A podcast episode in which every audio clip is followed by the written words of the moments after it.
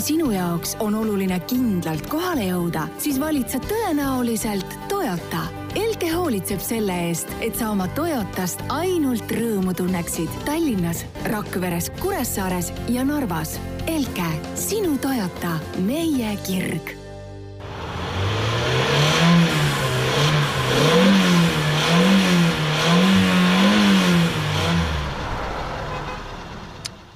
tere taas äh, istmesoojendusest, äh, oleme siin teid tervitamas, äh, mina olen Jan ja minuga on stuudios Veli. tere hommikpäeva! ja, ja nüüd hakkame rääkima taas nendest huvitavatest teemadest, mis meil siin automaailmas praegu välja on koorunud.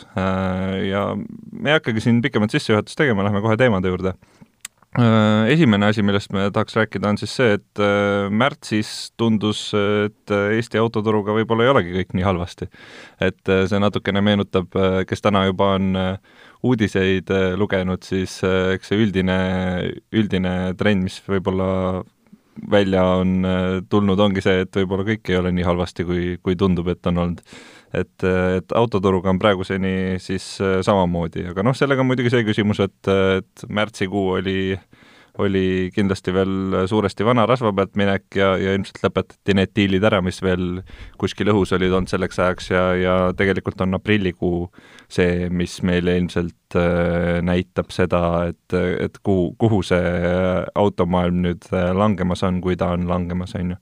et äh, tuhat kuussada kaheksakümmend viis autot siis müüdi märtsikuus ja, ja, ja selline suhteliselt positiivne number on see võrreldes Euroopa keskmisega, et noh, ühesõnaga meil, meil on kindlasti mingisugused eripärad äh, turuna, näiteks see, et et tellitud autod jõuavad meieni hiljem, kui need jõuavad näiteks nendesse riikidesse, kus kus on siis, need tootmised on lähemal ja nii edasi, et, et eks see on mingis mõttes kindlasti selline hilinenud number, mis, mis jah, et selles mõttes, et ootame, ootame aprilli kindlasti ära, et praegu tundub, et eelmise aastaga võrreldes on see kukkumine veerandi jagu, aga tõesti, nagu sa ütlesid, siis, siis need on peamiselt veel tellimus, tellimuste täitmine on see, mis praegu seda numbrit üleval hoiab. kuigi samas on ju veel see, et meil on autoesindused ikkagi peamiselt lahti, alles hiljuti sattusin ka olude sunnil ühte korra kiiresti paari juppi üles korjama ja täiesti lahti, desovahendid laual, noh, maski küll keegi ei kandnud, aga aga noh, mis seal ikka, selles mõttes, et äh, äri ja, äri ja töö ja kõik käis, et see tundub olevat selline üldine, üldine joon, et äh, lisaks veel see, et, äh, et propageeritakse siin seda neti kaudu ostmist, on ju, ja nagu siin ühes eelnevas saates sai räägitud, siis ka see, et päris paljud pakuvad seda, et osta auto ja toome selle sulle koju ukse taha ära põhimõtteliselt kohe. jah, ja võib-olla siin on tegelikult äh,, ongi see, et kuna hinnad on tegelikult langemas järjest, on ju, et meil oli siin ka üks äh, pikem arutelu selle üle ühe kuulajaga, et et, et hinnad kindlasti langevad veel, selles ei ole nagu küsimust, et see, see põhi ei ole siiani vastu tulnud, kui see põhi tuleb, seda on nagu keeruline öelda, et seda võibki igaüks ise ennustada. Et see ei ole siin nagu mm, -hmm. see ei ole meie teha ja kindlasti me ei ole mingisugused majandusteadlased, et me suudaks siin selle täpselt välja öelda. noh, aga samas üldjoontes ju nagu talupoja mõistus kasutades ongi autod ja üleüldine liikumine ja logistika see, mis tõenäoliselt ikkagi nagu viimasena mingit sorti põntsu saab et noh, mobiilsus on vajalik äh, igatahes ja see, siin muud asjad saavad ammu enne, et on ju noh, esimene asi meelelahutus, siis kukuvad järjest mingisugused äh, teenindavad ja siis tõenäoliselt niisugune transiit on suhteliselt lõpujärjekorras. no meie üldise vestluse üks äh, see selline kõige viimane mõte oligi see, et äh, eks, äh, eks see kukub ka tegelikult, sellepärast et inimestel äh, noh, kui sul on ikkagi variant, kas sa sõidad oma kümme-viisteist aastat vana autoga või sa ostad uue auto, siis võib-olla see ei ole sellistes äh, ebakindlates oludes su prioriteetide nimekirjas seal nagu kõige kõrgemal, et seda loomulikult. meil on neid autosid tegelikult ju inimese kohta on väga-väga palju Eestis, et äh, need on küll vanad autod, aga mm, -hmm. aga noh, siin võib tegelikult mida iganes äh, põhimõtteliselt välja mõelda, et samamoodi äh, üks äh, variant, miks see võib-olla ei, ei kuku, ongi see, et meil on palju vanu autosid.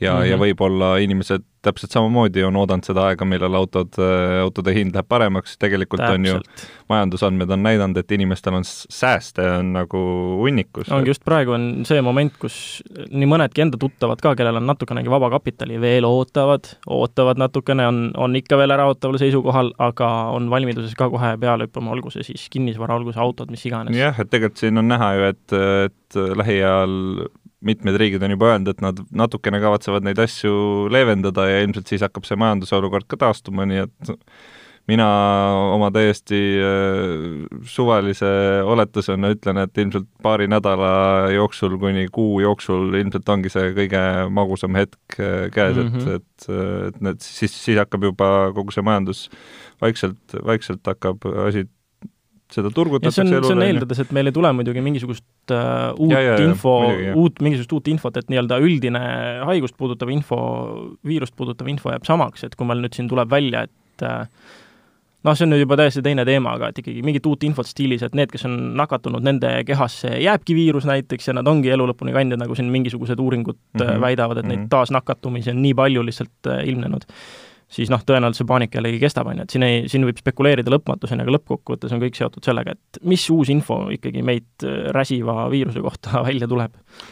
aga need on nüüd negatiivsed äh, või nagu jah, pigem ikka negatiivsed pooled on ju koroonal, aga, aga sellel äh, viirusel on tegelikult ka väga, väga positiivseid külgi, näiteks see, et mõned autotootjad on praeguseks otsustanud, et nad äh, pikendavad tehase garantiisid teatud autodele, eesotsas on siis Kiia ja Hyundai. jah, Hyundai, Hyundai, seesamunegi, mis nende ametlik äh, korporatsiooni nimi on, Hyundai, Hyundai Motor, Motors, Motor Group, jah.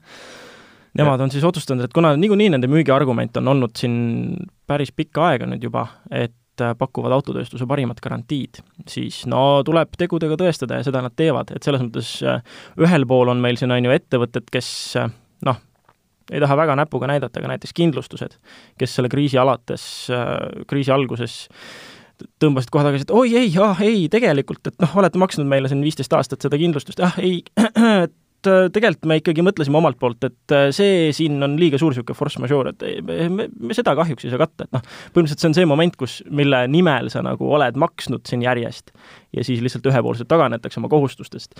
et tore on näha, et, et mõned ette, ettevõtted Äh, võtavad nagu kliendi hoidmist ka tõsiselt ikkagi. kusjuures ma tahtsin ka täpselt sellesama kindlustuste näite siin sisse tuua ja tegelikult on äh, mõnedes riikides on ka kindlustused otsustanud tegelikult tagasi maksta klientidele raha, sellepärast et nende jaoks on ju nad teenivad sel-, selles olukorras hetkel nagunii, selles mm -hmm. mõttes, et liiklust on kõvasti vähem, õnnetusi on kõvasti vähem, on ju, väljamakseid on selle võrra kõvasti vähem mm, -hmm. et äh, tegelikult isegi, kui nad äh, poole võrra seda kogu äh, kogu makstavaid tulusid, on ju, vähendaks endal, ütleks inimestele, et okei okay,, te võite maksta praegusel hetkel pool vähem mm, -hmm. siis äh, nende jaoks oleks ikkagi no, või, või sees olemine täpselt, et äh, et nende jaoks ei ole tegelikult mingit vahet, et, et kui palju need inimesed maksavad, põhimõtteliselt nii palju, kui nad praegu maksavad mm. -hmm. et noh, eriti Eesti-suguses riigis, et ilmselt siin on, siin on nagu need liiklustihedused äh, veel väiksemad ja ma lugesin küll äh, USA kohta seda asja, et mm, -hmm. et mhm. seal nagu kindlustused maksavad äh, tagasi, aga ilmselt seal on, on ka kohe esmajärjekorras see kohtu, kohtu, see on lihtsalt nii nagu kohturiik selles küll, mõttes, et, et tõenäoliselt seal on nii palju ähvardamist lihtsalt olnud, et nad tegelikult jällegi see, ma ei näe selles, noh, kuidas ma ütlen ma ei näe selles sellist siirast tahtmist, vaid ma näen selles sellist enda naha päästmist ikkagi. see on lihtsalt nagu selles mõttes teine taustsüsteem, milles see toimib, et meil siin tõenäoliselt midagi säärast ei juhtu, sest et meie noh, kui sa eestlasele nii-öelda liiga teed, mis ta teeb, ta läheb, kurdab äh, kaasmaalasele, ütleb aida taga kurat, paneb pea liiva alla ja kirub kõike, aga noh, mis ta nagu lõppkokkuvõttes siis teeb? nojah, teine asi on see, et paljud kindlustusfirmad on äh, ka välismaised, nende jaoks ei ole võib-olla see noh, Eesti turg on nii väike, et see ei ole mingisugune hullult oluline turg mm, -hmm. kus siin mhm. mingeid PR-trikke hakata tegema, aga yeah aga kes teab, kes teab, et siin võib, võib äh, kõike, kõike tulla. aga sellest garantii pikendamisest veel, millest me alustasime, et äh, kui veel äh, kuulaja lugenud ei ole, siis põhimõtteliselt tähendab see seda, et näiteks Hyundai puhul võta, võtavad nad ja pikendavad kuni kolme kuu jagu kõigi masinate kindlustust, vabandust, garantiid mis, äh, mis lõpeks siis nüüd selle aasta vahemikus, äh, mis need kuupäevad meil seal täpselt olid, jaanuari lõpust kuni märtsi no põhi, põhimõtteliselt selle, selle eesmärk on ikkagi see, et, et katta ära see koroonakriisi aegne vahemik, et see ei tähenda seda, et sa nüüd saad sellepärast, ma ei tea, aasta aega garantiipikendust, vaid see ikkagi kehtib suht selles vahemikus, kus see kriis meid eeldatavasti noh, nagu me ütlesime, kui siin mingeid uusi asju välja ei tule, on ju, et mille jooksul see kriis kestab mm. -hmm. ehk siis äh, sellel ajal on su see garantii on nagu pikendatud, pärast seda see saab täpselt samamoodi läbi, nagu see muidu oleks saanud. jah, aga selles mõttes eesmärgiga siis see, et kui kriisi tõttu auto seisma jääb ja sa ei saa seda viimast garantii lõpuhooldust teha, siis pikendatakse seda kuni kriisi lõpuni, no tõenäoliselt kui siin jällegi, kui kriis pikeneb, eriolukord pikeneb, siis äh, vastavalt, ma eeldan, tuleb ka Hyundai Motor Group järele ja pikendab garantiid veelgi et selles mõttes hea, hea lähenemine kliendi hoidmisele ja igatahes kiiduväärt ettevõtmine, et mina ootaks seda, et, et ka eurooplased järele tuleks, ma ei tea, kui tõenäoline see on siin ilma pankrottideta, aga loota ju võib ometigi. loota võime.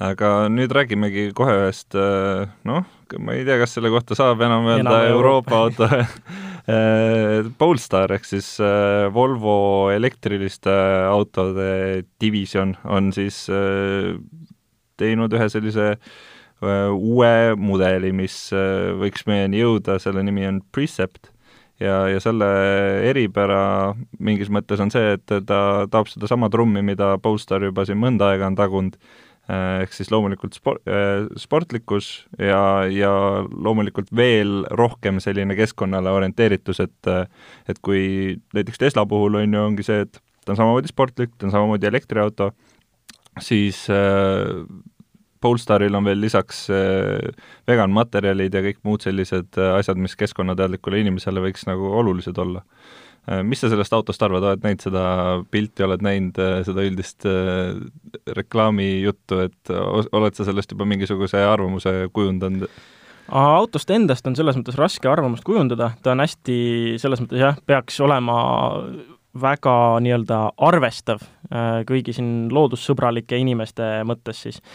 Aga üldine juba, võttes arvesse seda, et asjasse on segatud Polestar siis ma pean tahes-tahtmata meenutama siin paari aasta tagust kogemust, siiani esimene ja ainuke kokkupuude Polestari seni siis veel, kuidas ma ütlen, Volvo kin-, küljes kinni oleva divisjonina, oli V kuuskümmend Polestar ja esimene auto, mille puhul ma ütlesin julgelt, et kurat, see on hea automaatkast.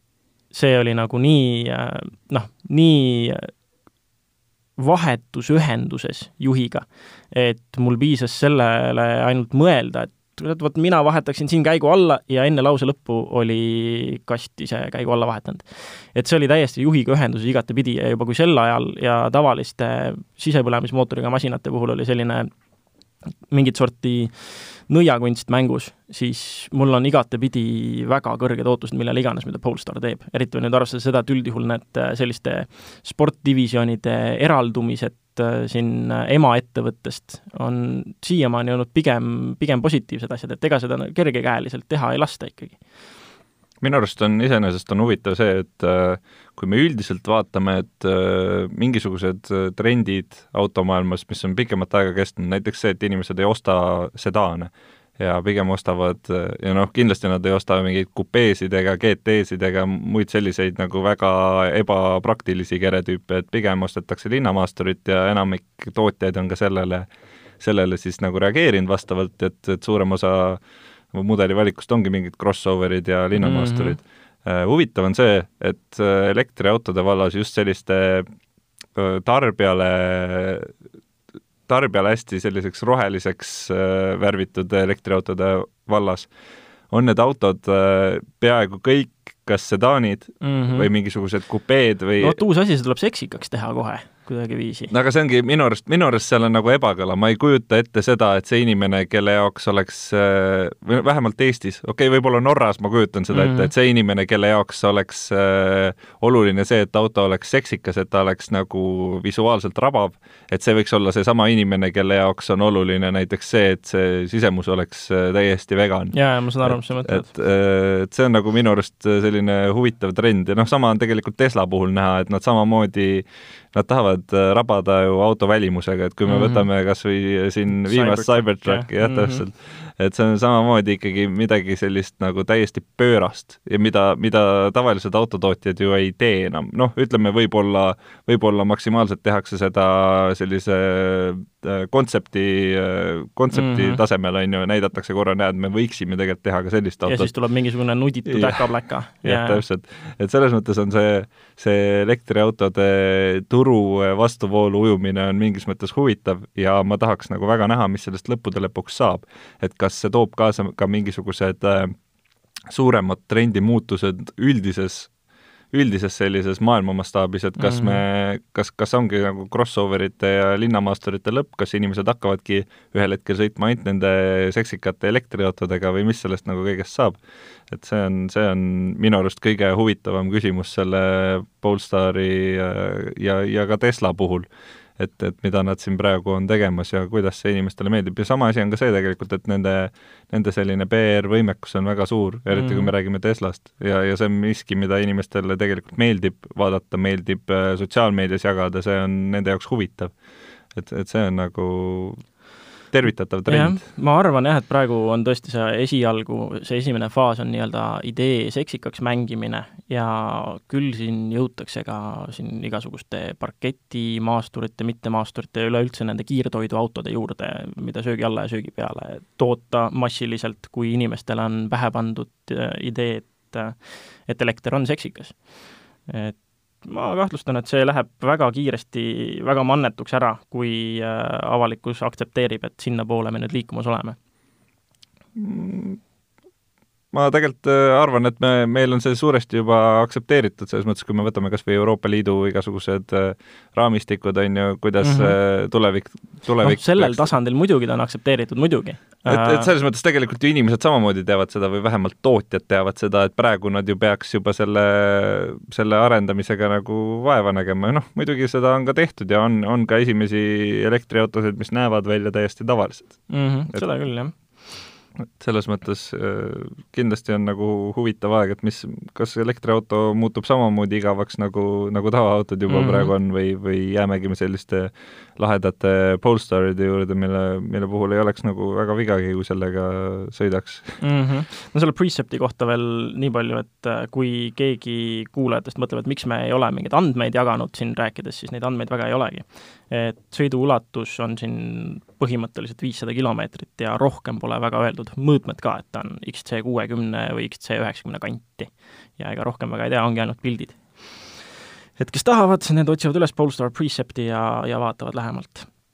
aga nüüd räägime natukene sarnasel teemal ja, ja see on äh, sellest, et missugune on üldse elu autoajakirjanikuna ja see on ilmselt sulle, sulle nagu peamine küsimus, et mina olen äh, ma olen pigem selline multifunktsionaalne ajakirjanik, et ma olen äh, teinud kõike ja ma ei nimetaks ennast ka autoajakirjanikuks, ma pigem äh, olen lihtsalt selline, kuidas seda eesti keeles öelda, autoentusiast mm, -hmm. petrolhead. või noh, ma, ma ei, ma ei tegele igapäevaselt autodega, see on minu jaoks nagu hobi. aga sina kui keegi, kes tegeleb ja, ja ilmselt lähitulevikus tegeleb veel rohkem, siis äh, äkki räägid natuke, et kuidas, kuidas see kogu nagu, missugune see maailm üldse on? See on selles mõttes hästi lai küsimus muidugi, aga alustan sellest, et ma, ma mäletan, et esimene arvustus, mis ma kunagi tegin, oli nüüd viimase gene siis enne facelifti Ford Mustang.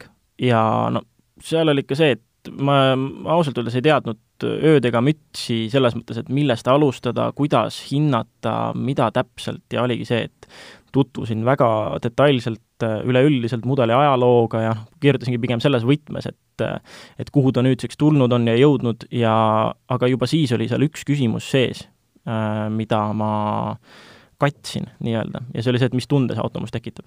ja see on siiamaani jäänud põhiliseks asjaks, mille ma võtan endale ar-, aluseks, kui ma autot arvustan. ühesõnaga kaks asja, esiteks, mis tunde see auto minus tekitab ja teiseks, kas ma ostaks ta endale. seal on selline mm, veidike muidugi murekoht sees, et need proovisõidud üldjuhul, nagu nii-öelda pikk proovisõit meie, meie mõistes, Eesti mõistes, on see, kui sulle antakse reedel auto ja sa pead ta esmaspäeval tagasi viima. et sa pead põhimõtteliselt nagu laias laastus ühe-kahe paagitäie kütuse mahasõitmise jooksul kujundama autost mingisuguse arvamuse ja kõrvale jätma selle, selle aspekti, et noh, et sa ei saagi teada, kuidas ta vastu peab. Aga põhiline minu jaoks on see, et mis tunde see masin minus tekitab ja kas, kas ma tahan seda osta. ja seda, selle nüüd, mida aeg edasi, seda lihtsam on seda hinnata kiiresti, kujunevad välja mingisugused enda isiklikud standardid, ja väga kiiresti on võimalik näiteks esimesed asjad, mis ma kohe ära tunnen ja ära hindan enda jaoks ja mis väga tähtsa osa sellest arvamusest kujundavad, ongi ikkagi paraku need sõidutunnetuse asjad. et äh, kõik roolitunne, tunnetus, kiirus, äh, tagasiside, äh, üleüldiselt niisugune dünaamika ja ka see on jällegi hästi niisugune tunnetuslik tegelikult, et kui eeskujuks ongi mingisugused sportlikud masinad ja oledki harjunud sellise hüdraulilise roolivõimuga ja, või üldse ilma ja sellise väga vahetu tagasisidega, siis, siis ongi niisugune natukene keeruline siin uusi masinaid sellest, sellest aspektist juba hinnata, et siin mingitel hetkedel tuleb väga jõuliselt unustada ära need enda standardid selles vallas, kui me räägime nüüd mingisugusest massitarbeautost, sellisest keskklassi autost, mille võiks igaüks endale soetada et sellisel juhul on vastupidi vaja võtta see lähenemine, et panna ennast nii hästi kui võimalik selle võimaliku ostja kingadesse või veelgi enam selle inimese kingadesse, kes on juba peaaegu et otsustanud, et ta selle auto endale ostab. Ja siis sa vaatad ja hindad seal iga, iga aspekti eraldi, et äh, kas see sobib lõppkokkuvõttes sinu vajadustele siis või mitte, kui sa oleksid see inimene. Äh, mul on endal tekkinud selle ajaga, mis ma nüüd olen siin äh, jutumärkides autoajakirjanik olnud, on ju, selline, selline ilmselt peamine dilemma, mis mul kogu selle asja juures on, okei okay,, üks asi on seesama, mis sa juba välja tõid, et see, et sa pead aru saama, kellele see auto on mõeldud ja mm -hmm. sa mhm. pead üritama hinnata seda niimoodi, nagu tema seda hindaks, et okei okay,, minu puhul kindlasti need äh, ostueelistused, kõik see, mida ma auto juhul, auto puhul oluliseks pean, see on täiesti kardinaalselt erinev kui ütleme, keskmisel ostjal mm. -hmm. et selles mhm. mõttes ma, ma saan sellest täiesti aru. ma ei hakkagi nagu enda, enda perspektiivist seda asja kunagi vaatama aga, aga teine probleem, mis on minu jaoks äh, võib-olla isegi suurem, on see, et tegelikult äh, auto ja auto puhul ka samas mudelis on väga suur vahe. Ja, ja see on see, mida, miski, mida mina olen nagu tähele pannud, et kui sa, kui sa võtad selle auto põhimõtteliselt kõige odavama variandi, siis ta võib olla täiesti kardinaalselt erinev auto mm -hmm. võrreldes sellega, millega tegelikult ajakirjanikud sõidavad, mis tihti on kõige, kõige, kõige kõvema varustusega auto üldse, mis selles mudelivalikus on. et see on nagu minu jaoks kujunenud selles vallas mingisuguseks selliseks eetiliseks dilemmaks ja loomulikult teine asi on veel see, mis sa mainisid, mis puudutab seda seda nii-öelda sõidu pikkust, et sul ei ole tegelikult ju võimalik hinnata seda, et kuidas see auto ütleme, tavakasutuses oleks okei okay,, sa saad, sa saad sellega sõita nädalavahetuse ja mm, -hmm. ja, ja tegelikult mis see näitab, see näitab ainult seda, missugune see auto ühe nädalavahetuse jooksul on, see ei näita ja, sulle hoolduse probleeme täpselt mm -hmm. niimoodi, et, et see on natukene nagu segane töö minu arust. seal on see, et jah, natuke tuleb pimesi usaldada seda konkurentsi kujundatud standardit ja lihtsalt äh, usaldadagi seda, et praeguseks on konkurents autotootjate vahel nii kõva, et kui nad teeksid mingit sorti äh,, kui nad kusagil järeleandmisi teeksid ja mingisuguse käkerdise toodaksid või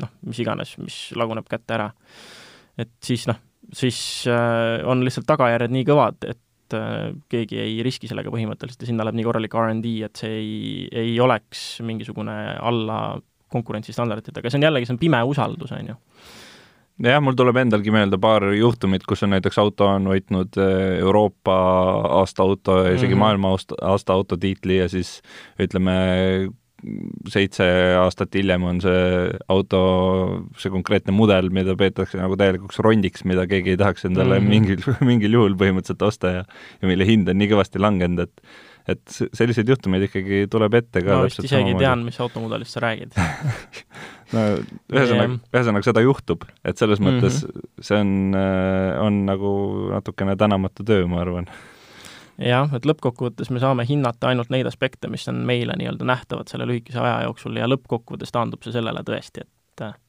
no kas on hea tunne sellega sõita, kas, kas on nagu mingit sorti sõidumõnu, lusti, mis iganes, otsid need parimad aspektid sellest autost välja? Ja noh, jällegi, minu lähenemine on ka olnud see, et isegi kui mõni auto ei ole minu maitsele, noh, kui ta ei meeldi mulle, sellegipoolest ma korra tõmban omal selle emotsiooni tagasi, mõtlen ikkagi sellele, et kui ma nüüd oleks inimene, kes otsib endale täpselt sellist autot, mis mind siis selle juures häiriks. Ja siis toon välja need asjad, mis, mis mind häirisid. Ja ma olen siiamaani suhteliselt ausalt seda autode puhul ikkagi, ikkagi välja öelnud, et äh, siin ei ole seda, et äh, kuidagiviisi mingit kartust, et oh, et nüüd, kui ma mingi auto kohta halvasti ütlen, äkki enam ei saa uut või mis, mis iganes, et lõppkokkuvõttes sellest tuleb nagu ka, sellest tuleb lihtsalt üle olla ja mööda vaadata. aga lõppkokkuvõttes on tõesti see, et et proovisõidud on lühikesed äh,, eriti naeruväärsed on veel mingisugused proovisõidud, kus on kilometraaži piirang mingite kallimate masinate puhul, et jah, okei okay,, seal on jälle see pimeda usalduse äh, nii-öelda marginaal on isegi veel suurem, kuna tegu on tavaliselt mingite kõvade brändidega ja väga-väga kallite masinatega, aga mida ma siis seal nagu täpselt lõppkokkuvõttes üldse hindama peaksin, kui ma võin temaga sõita viiskümmend kilomeetrit? Kuidas ma peaksin midagi oskama öelda ta kohta, et kiidan kerejoont või, või mida täpselt? samas ma tahaks äh, veel võtta ühe väikse hetke, et tänada neid PR-inimesi, kes äh, töötavad autofirmades, selles mõttes, et äh, ma arvan, et selle lühikese aja jooksul, mis mina olen tegutsenud, ma olen väga paljude autode kohta öelnud väga palju halba. et see on mõnes mõttes ka loogiline või selline nagu ajakirjaniku mingis mõttes eesmärk ongi otsida ju halbu külgi, mitte niivõrd neid häid külgi nagu lisaks toonitada, et seda te-, tehakse mm -hmm. kogu selles turundusjutus anyway. et, et selles mõttes ma olen väga palju välja toonud mingeid halbu külgi ja siiamaani ei ole keegi öelnud mulle, et okei okay,, et sellepärast ma ei tea, seda autot ei saa või midagi, selles mõttes, et see protsess mm -hmm. on mhm. ikkagi on ikkagi läbipaistev, et see ei ole see, et keegi maksab, siis äh, sa sõidad ja siis kirjutad selle kohta seda, mida nad tellivad. et see on ikkagi, see on ikkagi selles mõttes puhas äh, ausa arvamuse avaldamine ja, ja autofirmad on sellega väga okei okay.. jah, täpselt, et seal on natukene natukene niisugune ärritav on see suhtumine kusagil, mis tegelikult mis iganes arvustuste puhul, et kui on hea arvustus, järelikult on makstud mm. -hmm. Et ahah, et kas, kas ei võigi olla, et asi on lihtsalt hea ja inimene tahab seda öelda ja soovitada. et sellist varianti nagu ei eksisteerigi, on ju. ütled ühe hea, ütled ühe hea sõna auto kohta, sisuturundus, kohe on sisuturundus, miks ei ole sisuturunduse sektsioonis? et ja see on isegi, kusjuures imelik on see, et et äh, seda on olnud ka arvustuste puhul, mida mina enda sulest pean pigem sellisteks kritiseerivamateks arvustusteks. kus ma toongi, kus ma jah, tõsi, ma alustan headest külgedest, mis mulle meeldib asja juures ja nii edasi, ja kui ma toon riburada pidi neid vigu välja, siis sellegipoolest ähm, noh, aga lõppkokkuvõttes võib see olla lihtsalt äh, inimeste selline ähm, noh, pealis, pealiskaudsus, et nad ei loegi no, seda see, see, kui palju inimesed lugeda viitsivad ja, ja, ja, ja süveneda asjasse, see on juba tõesti ja sellest eraldi. isegi pole mõtet rääkida, kuidas sa vaatad, on arvustusvideo läheb kusagile üles ja inimesed kommenteerivad äh, pealkirja sissejuhatavat lauset, mille lõpus on vaata videot ja saa rohkem teada ja nad kommenteerivad, aga kus arvustus oli? et noh, natukene mingit sorti, kui sa tahad äh, kritiseerida kritiseerijate tööd, siis võiks natukene oma, omapoolsest, omapoolsest panusest vähemasti selle osa ära teha, et sa tutvud siis selle tööga, mida sa kritiseerid. no vot, aga lõpetame siin ikkagi positiivse noodiga ja see on see, et äh, vaatamata koroonakriisile on, loodus on ärkamas. ja, ja see tähendab seda, et praegu on väga palju kõiksugu loomi, kes äh, lendavad, kes hüppavad, kes roomavad, jooksevad, mida iganes teevad ja kahjuks on reaalsus see, et suur osa sellest toimub äh, teede ligidal siis. ja, ja on juba olukordi näiteks Astangul, kus on kehtestatud äh, liikluspiirangud, sellepärast et äh, et siis konnad käivad seal üle tee hüppamas. et mis sina arvad, kuidas saaks, kuidas saaks loomi ja loodust selle meie autode ja kogu selle eest kaitsta paremini? siin tuleb jah arvesse, arvesse võtta seda paraku, et äh, just sai tehtud siin ka üks äh, sarnasel teemal äh, video Maanteeametile, mis tutvustab ka seda, et noh, kõik loomad ülekäiguteed ja kuidas neid kaardistatakse ja ja mida juhid nende läheduses tegema peaksid. ja kindlasti me lingime seda millalgi ka Acceleristas, aga põhiline on see, et me peame arvesse võtma, et meie teed tulid tegelikult äh, väga suures osas hiljem kui loomade sisse kujunenud käiguteed. et loomade sisse kujunenud käiguteed tulenevad looduslikest eripäradest ilmselgelt, ja no see, kui meie joonistame üle nende tee mingi oma tee, noh, me võiksime arvestada loomadega äh, samamoodi, nagu nemad meile küll tihtilugu nähtamatult arvestavad meiega, et nad lase, kui nad kuulevad, et auto tuleb, üldjuhul nad ikkagi lasevad meil minna ja ei näita endast mingit elumärkigi. et äh, läheneme asjale jah nii, et meie oleme tegelikult loomade teede peale vedanud risti-rästi oma teed. et äh, neil on igatepidi eesõigus, kui nüüd siin täiesti sellest nii-öelda ajalisest loogikast lähtuda. aga see Astangu asi on iseenesest Äh, tänuväärne, et äh, öösel, noh, ma korra kohe vaatan need kellaajad üle, et kella üheksast äh, õhtul kuueni hommikul on Astangu tänaval sissesõidukeeld puhtalt sellepärast, et seal on väga tihe konnade käigutee. ja no kindlasti on olnud seda, et kui nii, noh, ma eeldan, et nii mõnigi autojuht on märganud seda, kuidas ka nüüd praegusel ajal siin kevadel lähed, sõidad öösel kusagil mingisuguse tee peale, näed, et lihtsalt konnalaipasid on kõik täis ja nüüd on situatsioon, kus eriolukorrast tulenevalt ei ole ka sellist ressurssi, et käia muudkui neid laipasid tee pealt puhastamas. ehk siis äh, mis teha, tuleb arvestada kuidagi teistmoodi.